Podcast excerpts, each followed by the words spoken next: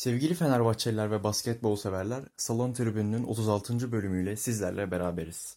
Kulübümüze saha içi ve dışında verdiği büyük katkılarla Fenerbahçe basketbolunda 1960 ve 70'li yılların unutulmaz isimlerinden biri haline gelen, bir sporcudan daha fazlası olan 1942 doğumlu eski milli basketbolcumuz Ferhan Baraz, Salon Tribünü ekibinden Erdi Tiran ve Baran Arslan'ın sorularını cevapladı.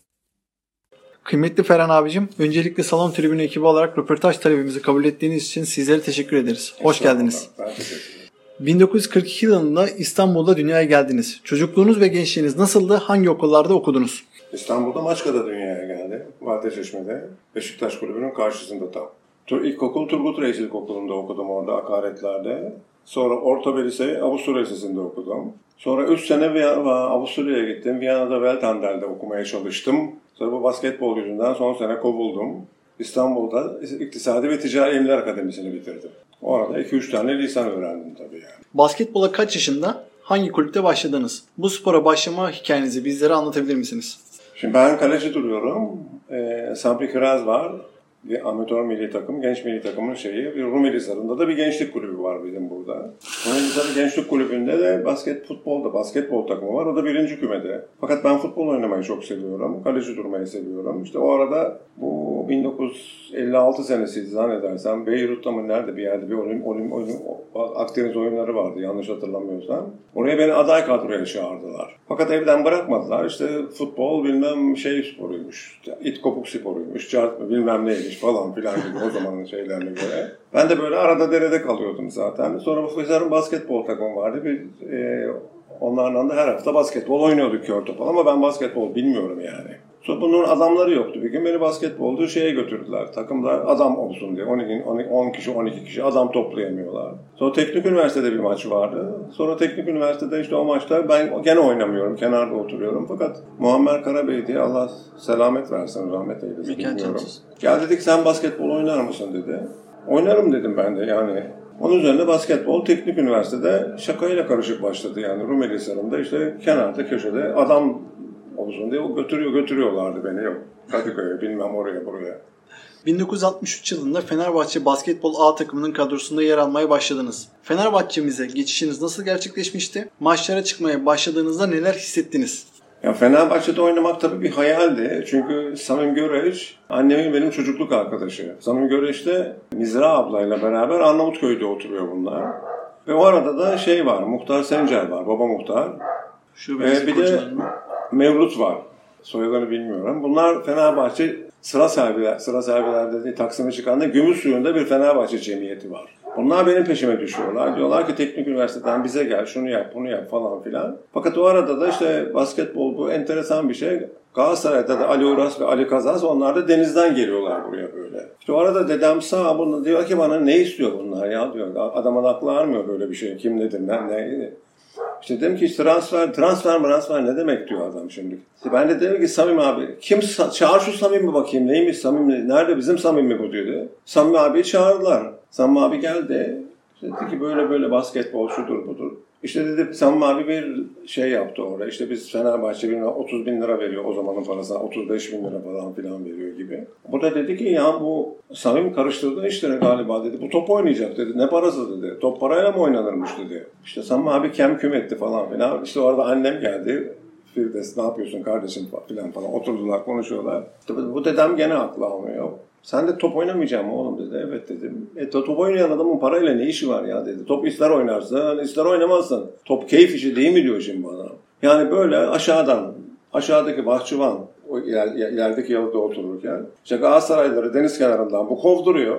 Bu Ali Uras, Ali Kazas falan filan Allah rahmet eylesin. Samim abi böyle şakayla karışık muhtar, baba muhtar, Samim abi Mevlut adını unuttum şimdi. Neyse o beraber otomatik hadide sıra servilerde bir otomatik hadi var. Bir, bir hane. Orada bana imza şey imzalatıyorlar.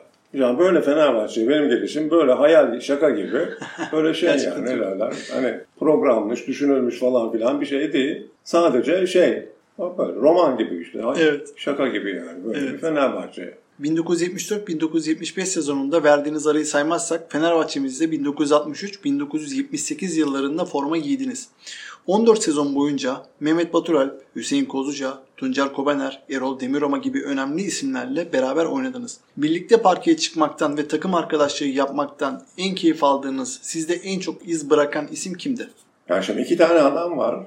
Yani basketbolda benim kafamda, hayatımda. Bir tanesi Tuncer Kobaner. Adam gibi oynar. Biz bir Galatasaray maçı oynuyoruz Fenerbahçe'ye geldikten sonra. Ee, rahmetli İsmet Ulu da başkan. Fakat o arada biz ilk devre mağlubuz. Bizim ilk Fenerbahçe maçı, Galatasaray maçımız. ilk Fenerbahçeli olacağız. Daha doğrusu milli olacağız. Orada işte biz ilk devre oynanıyor. Biz ilk sayı, ilk 10 sayıyla 12 sayıyla mağlubuz. Rahmetli İsmet Ulu geliyor soyunma odasına. İşte konuşuyor ne yapıyorsun, ne oluyor, ne bitiyor falan filan. Sam abi anlatıyor. Orada Tuncer abi çok sinirleniyor. Takım kaptanı değil ama baba Tuncer. Siz çıkın dışarı diyor. Herkesi çıkarıyor bana. Otur sen burada piç kurusu diyor bana. İşte ben de tabii en küçük olduğum için o takımın en küçüğü bendim o zaman. Oturdum. Bana bak piç dedi. Ayağa kalk dedi. Ayağa kalktık. Hazır ol da böyle asker gibi. Adam gibi çık oyna şimdi dedi. Ben yoksa senin ağzına sıçarım ben dedi. Ben o maçta ondan sonra ben Fenerbahçe'de atmaya baş, atmaya koşmaya başladım yani. Bu yani Tuncer abi benim hayatımda Fenerbahçe'ye şeyim oldu. Ne derler? Moral motivasyonumu diyeyim. Fırça yiyince daha doğrusu. İlk, ilk maçta bir fırça. İkinci şey Hüseyin Kozuca. O şey başka türlü bir dostluk onunki yani. Öyledir. Hüseyin abiyle de röportaj Yani yaptık. şamatası, Gerçekten. gırgırı. Bin dese ki bana yani ben, ben şunu yapmak istiyorum. Tamam yapalım. Şunu ya, alalım, alalım, satalım, satalım, ölelim, gidelim, kalalım, içelim. Ne, ne istiyorsa yani. Böyle bir garip bir adam benim için. Yani Fenerbahçe'de ondan başka başka şey yani Çok yok. yok. değerli insanlar evet. Yani Ee, hala Hüseyin da, abiyle de hala da ararım, konuşurum, görüşürüm, severim. Yani Zaten onun vesilesiyle size e, biz ulaştık Ferhan abicim. Gerçekten onu da saygıyla kulağını çınlatalım.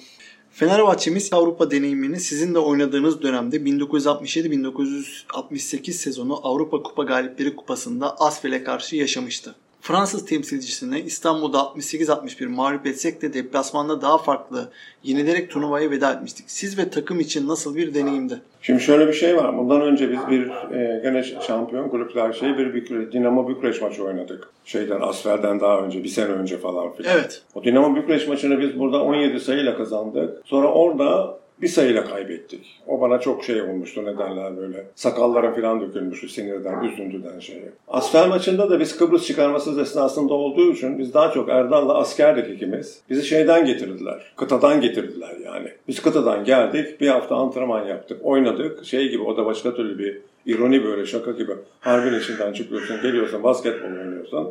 Bir hafta sonra Paris'e gidiyorsun. Orada Lyon, Villeurbanne'a gidiyorsun. Oynuyorsun, geliyorsun, uçak havaalanından gene gidiyorsun. Yani o maç, yani bizim için şeydi böyle ne derler, ee, Hüseyin'in çok iyi oynadığı bir maçtı o. Yani başka türlü oynamıştı. Hatta neydi o, Charles Aznavour bizi yemeğe davet etmişti, hiç unutmuyorum. Anlattı mı bilmiyorum. Ondan, bu, ondan sonra bunun Fransa'da karikatürleri çıkmıştı, fesle mesle böyle işte bilmem ne Türk falan filan diye. Hokkabazlık. Yani bizim o şeyimiz olamadı o sayıda ne derler, çünkü askerlikten ötürü. Yani oynadık. 10 sayı 15 sayı attık ama yani bir işe yaramadı daha doğrusu öyle diyeyim ben sana. Sarı lacivertli forma altında 1967 yılında gelen bir Türkiye Kupası şampiyonluğu, 3 Türkiye şampiyonluğu ve 3 İstanbul şampiyonluğu yaşadınız. Sizin için en anlamlı olan başarı hangisiydi? En anlamlı olan başarı benim Tuncan abiden yediğim fırçanın olduğu Türkiye şampiyonası. Yani ilk Fenerbahçeli, Fenerbahçeli oluyorum. Ondan sonra Galatasaray, Altınordu, Kolej, Hepsi ve biz zaten şöyle bir şey var. Yani biz geldikten sonra Fenerbahçe 2 sene 3 sene namağlup şampiyon oldu. Yani bir senesinde Altınordu'ya yenildik yanlış hatırlamıyorsam. Bir, bir senesinde de başka Galatasaray'a mı yenildik? Tam, yani tam hatırlamıyorum ama. Yani, yani 6 sene askere gidene kadar bir sürede hepsinde şampiyon olduk. 2 tanesi 3 tanesi namağlup. Fenerbahçe'mizde oynadığınız en unutulmaz maç hangisiydi Ferhan abicim? Oo. Fenerbahçe Türkiye Kupası'nda Fenerbahçe'de ve Fenerbahçe'deyiz. Yani bana göre çok enteresan bir şey bu. Ve 10 gün sonra bizi asker alıyorlar. Ve biz Erdal'la beraber muhafız gücüne gidiyoruz. 10 gün sonra biz Fenerbahçe'ye karşı oynuyoruz. Yani öyle bir psikoloji ki bu. Yani ne yapman lazım? Nasıl olması lazım? Ne olması lazım? Yani atman lazım, tutman lazım. Askersin, şusun, busun. O kadar çok enteresan şeyler var ki insanın kafasında. Ama onun dışında tabii yani bizim Türkiye şampiyonası olduğumuz Yani onları ben ayırt, ayırt, ayırt edemiyorum. Yani 4 tane 5 tane şampiyonluk arka arkaya ve o, o şampiyonların hepsi de yani mesela bir tanesi rahmetli Altan Dincer, Altan Dincer zamanındaydı. Evet. Yanlış hatırlamıyorsam. Evet, Öbürleri Samim abinin zamanındaydı. Sonra Erol Demiroma geldi. Bir Batur'dan ötürü bir ihtilaflar oldu. Bıraktı. Sonra o sene de biz şampiyon olduk. Ankara'da Galatasaray'ı yenildik. Onda da rahmetli Kova Osman vardı Galatasaray'da. Bize ishal yapmıştı hiç unutmam. Hüseyin ben bir kişi daha. Sabaha kadar ölmüştük zaten. Ne, ne ondan yemek yemiştik çünkü. Yani şeyden sonra antrenmandan sonra. Biz geç kalmıştık çünkü falan filan. Böyle seyircilerle bir tatsız durumlar olmuştu. İtiş kakış bilmem ne falan filan. E, yani çok enten yani o kadar çok ki hangi birini anlatayım yani. Kulübümüzde sağ dışında yaşadığınız en ilginç olayı bize anlatmanız mümkün müdür Ferhan abiciğim? Şimdi ben Fenerbahçe'ye transfer olduğum sene Semih Bayülken var, doktor. Faruk abi de başkan. Orada da böyle bir para konusu geçiyor. İşte transfer oluyor herkes. İşte Erdal bir para alıyorlar. Ve o zamanın parasına göre ismini, rakamları söylemeyeyim. Çok iyi paralar alıyorlar.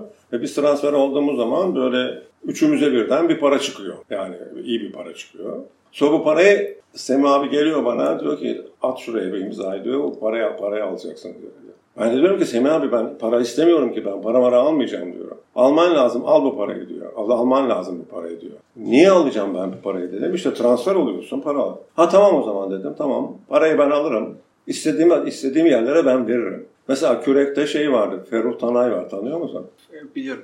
Ferruh'a son mesela 8 tek almıştık. Kürek şubesine o parayla. Bilmem ismi lazım değil. Bir arkadaşımızın katının yarısının parasının yarısını vermiştik. Onun dışında senin dediğin o deredeki bilmem şeylere işte televizyon alındı bilmem evet. ne alındı. Yani o para daha doğrusu hepsini bildiğim şeyler ne derler kime verildi hangisi kime yardım edildi. Hepsini Semih abi söylerdi ben içinden seçerdim Allah rahmet eylesin. Bir de tabii yani bu Onların hepsini Faruk abi de çok şey yapardı. Ne derler? Ee, nasıl diyeyim sana ya? Onu çok severdim. Yani takdir ederdim. Şimdi bile konuşsam üzülüyorum yani. Yani o bile çağırır konuşurdu. Ne yaptın, ne ettin, ne, kime verdin, nasıl yaptın diye. Yani böyle bir Fenerbahçeli vardı benim. Ondan sonra oradaki basketbol sahasını yaptırdık. Salon var ya şimdi bir tane. İlk onu yaptırdık falan filan. Böyle devam etti sonra. Ve ondan sonra dedim ki ben Semih abi ben para mara almam, imza da atmam. Ondan sonraki senelerde de lazım oldukça ben vermeye başladım. Faruk abi bilir. Yani basketbol takımı şeye turnuva işte bir yere gidecek, deplasmana gidecek, oraya gidecek, işte yurt dışına gidecek. Bir şey lazımsa ben yapardım, ederim, ederim. Hiç mühim değil derdim. Yani yapabildiğim kadarını yapardım yani. yani para söz konusu hiç olmadı. Olmaması da lazım. Bana göre tabii yani. yani şimdi desen ki sen şimdi, sen şimdi oynuyorsun, şimdi oynasan ne yaparsın desen. Ya gene bir milyon dolar alırdım ya da bir iki milyon dolar alırdım. Şimdiki adamlara bakınca. Kim bilir o parayı da kime dağıtırdım onu bilemiyorum yani. Benim, benim. Yani. Varlıklı bir ailenin, ailenin mensubu olarak takımda oynadığınız dönemde para almadığınız gibi zorlu geçen günlerde kulübe verdiğiniz maddi destekle biliniyorsunuz. Maaşların ödene, ödenemediği günlerde yabancı oyuncuların kulüpte kalması ve yurt dışından transferler yapılması için elini taşın altına koymuş karakter sahibi bir sporcusunuz. Takımı sezon ortasında terk eden Yugoslav oyuncu Kilizevic'in geri getirilmesi sonrasında Partizan'dan Popovic'in getirilmesi için verdiğiniz çaba Fenerbahçe tarihine yazılmış durumda. Bu günleri bizlere anlatabilir misiniz Ferhan abiciğim? Şimdi biz Popovic'i getirdik. Knezevic bir takım karanlık işlere karıştı ve hafta sonu maçlardan sonra Almanya'ya gidiyor bu. Sonra oradaki sıra servilerde de bir yerde otelde kalıyor. Restoranda yemek yiyor. Adamlar da şey işte göçmen. Bunu bir takım şeylerde kullandılar yani uçakla gidip gelsin Almanya'ya ne götürdü ne getirdi orasını boş ver zaten. Onun üzerine baktık olmuyor. Bir tane dedi ki biz bir tane adam bulalım. Onu getirelim. Sonra benim yanımda çalışan bir çocuk vardı Hüseyin Salar diye. Biz bunu aldık dedik ki e, sen dedik git kardeşim şu Belgrad'da bir çocuk vardı Latifiş diye Galatasaray'da Bursa'da Tofaş'ta Latif için arkadaşı bu. Biz bunu ayarladık, buraya kadar getirdik Popovic'i. Fakat biz Popovic'i getirdik. Çocuk iki gün otelde kaldı. Üçüncü gün çocuk yok oldu. Çocuğu Tofaş kaçırmış. Onu da gene Allah rahmet eylesin. Yani, yani Yüksel abi devreye girdi. İşte biz bir takım paralar topladık. 40 bin, 50 bin mark falan filan gibi böyle bir paralar. Fakat paramız gene eksik. O arada Emin abiye gittim ben. Dedim ki böyle bir şey var dedim. Sen ne zaman istiyorsan bana bir gün evvel telefon et ben hallederim dedi. Neyse biz parayı Yüksel, Yüksel gün Yüksel abi ve Emin abi de oradan buradan denkleştirdik. Fakat çocuk yok bu sefer de. Çocuk şeye gitmiş, kaçırmışlar şeyi. Sonra Hüseyin Kozluca, bu bizim Hüseyin'le Ya da biri daha vardı bilmiyorum. Bir araba verdik. Bunlar şeye gitti, Bursa'ya gitti. Kavga gürültü Popovic'i geri aldılar. Ve Popovic'i geri getirdiler. Ve o sene oynadı çocuk. Çok da efendi bir çocuktu yani. Profesör kılıklı falan. Akıllı, uslu efendim. Terbiyeli bir çocuktu yani öyle diyeyim. 1992 yılında Fenerbahçeli iş adamları tarafından kurulan 1907 Fenerbahçe Derneği'nin kurucu üyeleri arasında yer alıyorsunuz. Bu süreçte bildiğimiz kadarıyla takımın idaresinde de yer aldınız. Derneğin kuruluş sürecine ve sonrasında basketbol takımımıza yaptığı katkılara dair neler söylersiniz? Şimdi evvela şöyle bir şey var.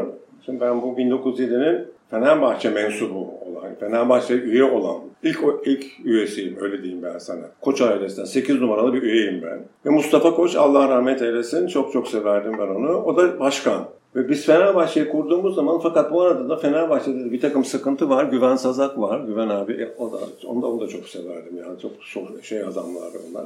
Basketbolu 1907 almak istiyor fakat Güven abi tereddüt ediyor basketbolu versek bunlar ne yapar diye. Dediler ki abi sen git konuş Güven Bey, Güven abiyle. Neyse biz Güven abiyle oturduk konuştuk ya anla, dedik işte şunu yapalım, bunu yapalım, şöyle yapalım.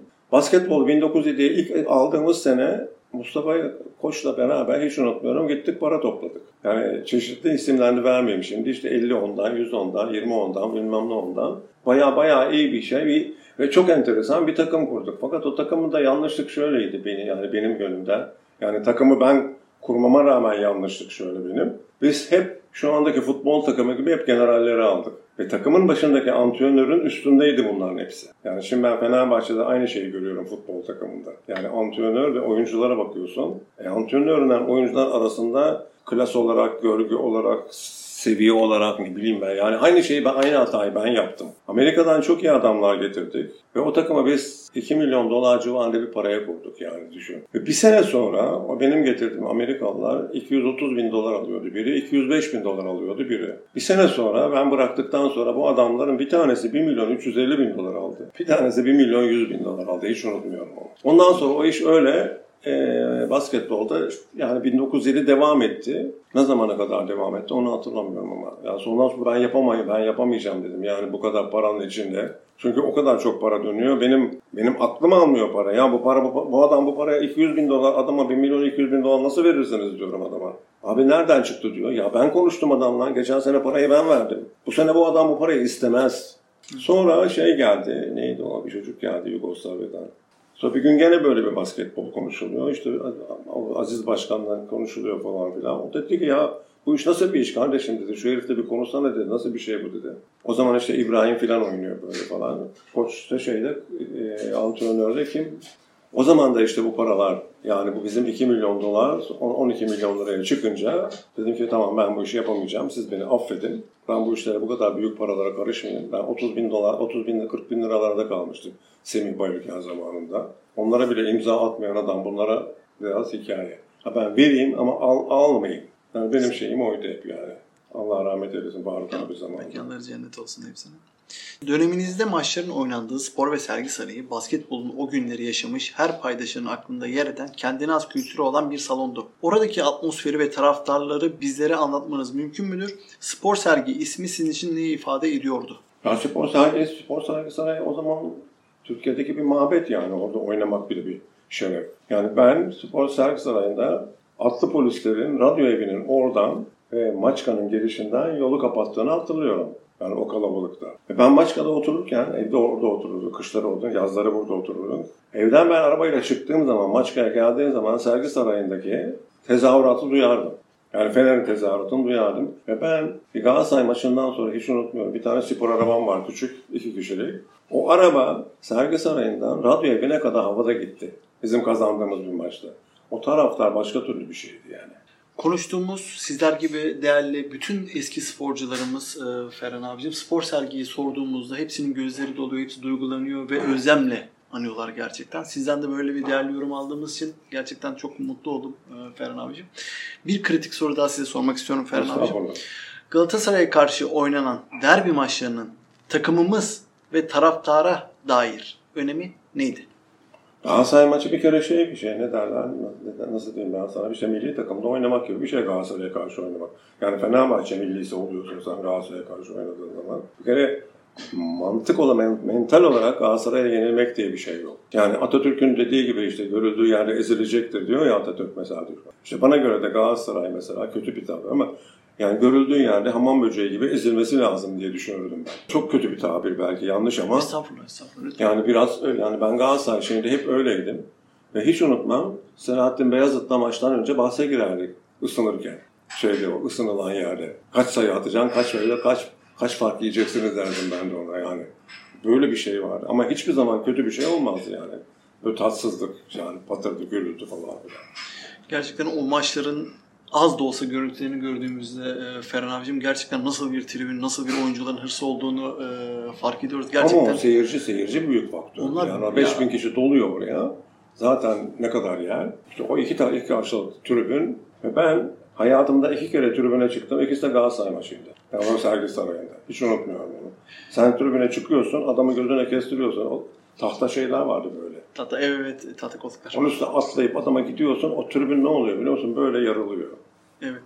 Bir de şöyle bir durum var e, Ferhan abicim. Eski sporcular, sizler gibi eski sporcular da böyle e, röportaj yaptıklarımızda spor sergide e, yedek kulübesi yani bench oyuncularla tribün arasında çok yakınmış. Yani e, Yok yok arka şurası. aynen öylemiş. Tabii ya. Yani gerçekten öyle e, bizim jenerasyona denk gelmedi. Biz de Abdi İpekçi'yi böyle genç kardeşlerimize, genç Abi, arkadaşlarımıza anlatıyoruz ama ya spor serginin gerçekten daha e, farklı bir atmosferi olduğunu bütün sizler gibi değerli büyüklerimiz bizlere Şimdi söylüyor. Bir Galatasaray Fena maçı. Annem ilk defa maça gidiyor babamla beraber. Onlar oturuyorlar işte maç seyrediyorlar. Fena Galatasaray maçı gene. İşte ben atıyorum, kaçırıyorum, bir şey oluyor falan filan. Annem dayanmıyor, ayağa kalkıyor. Allah kahretsin Ferhan diyor. "Sen Ne biçim, ne biçim atıyorsun oğlum, manyak mısın sen diyor.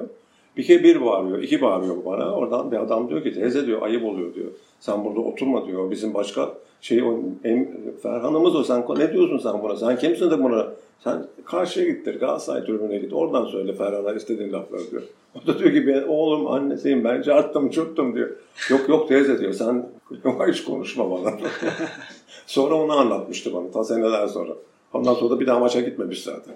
Fenerbahçe'miz son 15 yılda basketbolda büyük bir atılıma geçti ve 2017 yılında Euroleague kupasını kazanarak Avrupa'nın en büyüğü olma başarısını gösterdi. Bu başarıyı ve takımın son durumunu nasıl görüyorsunuz Ferhan abicim?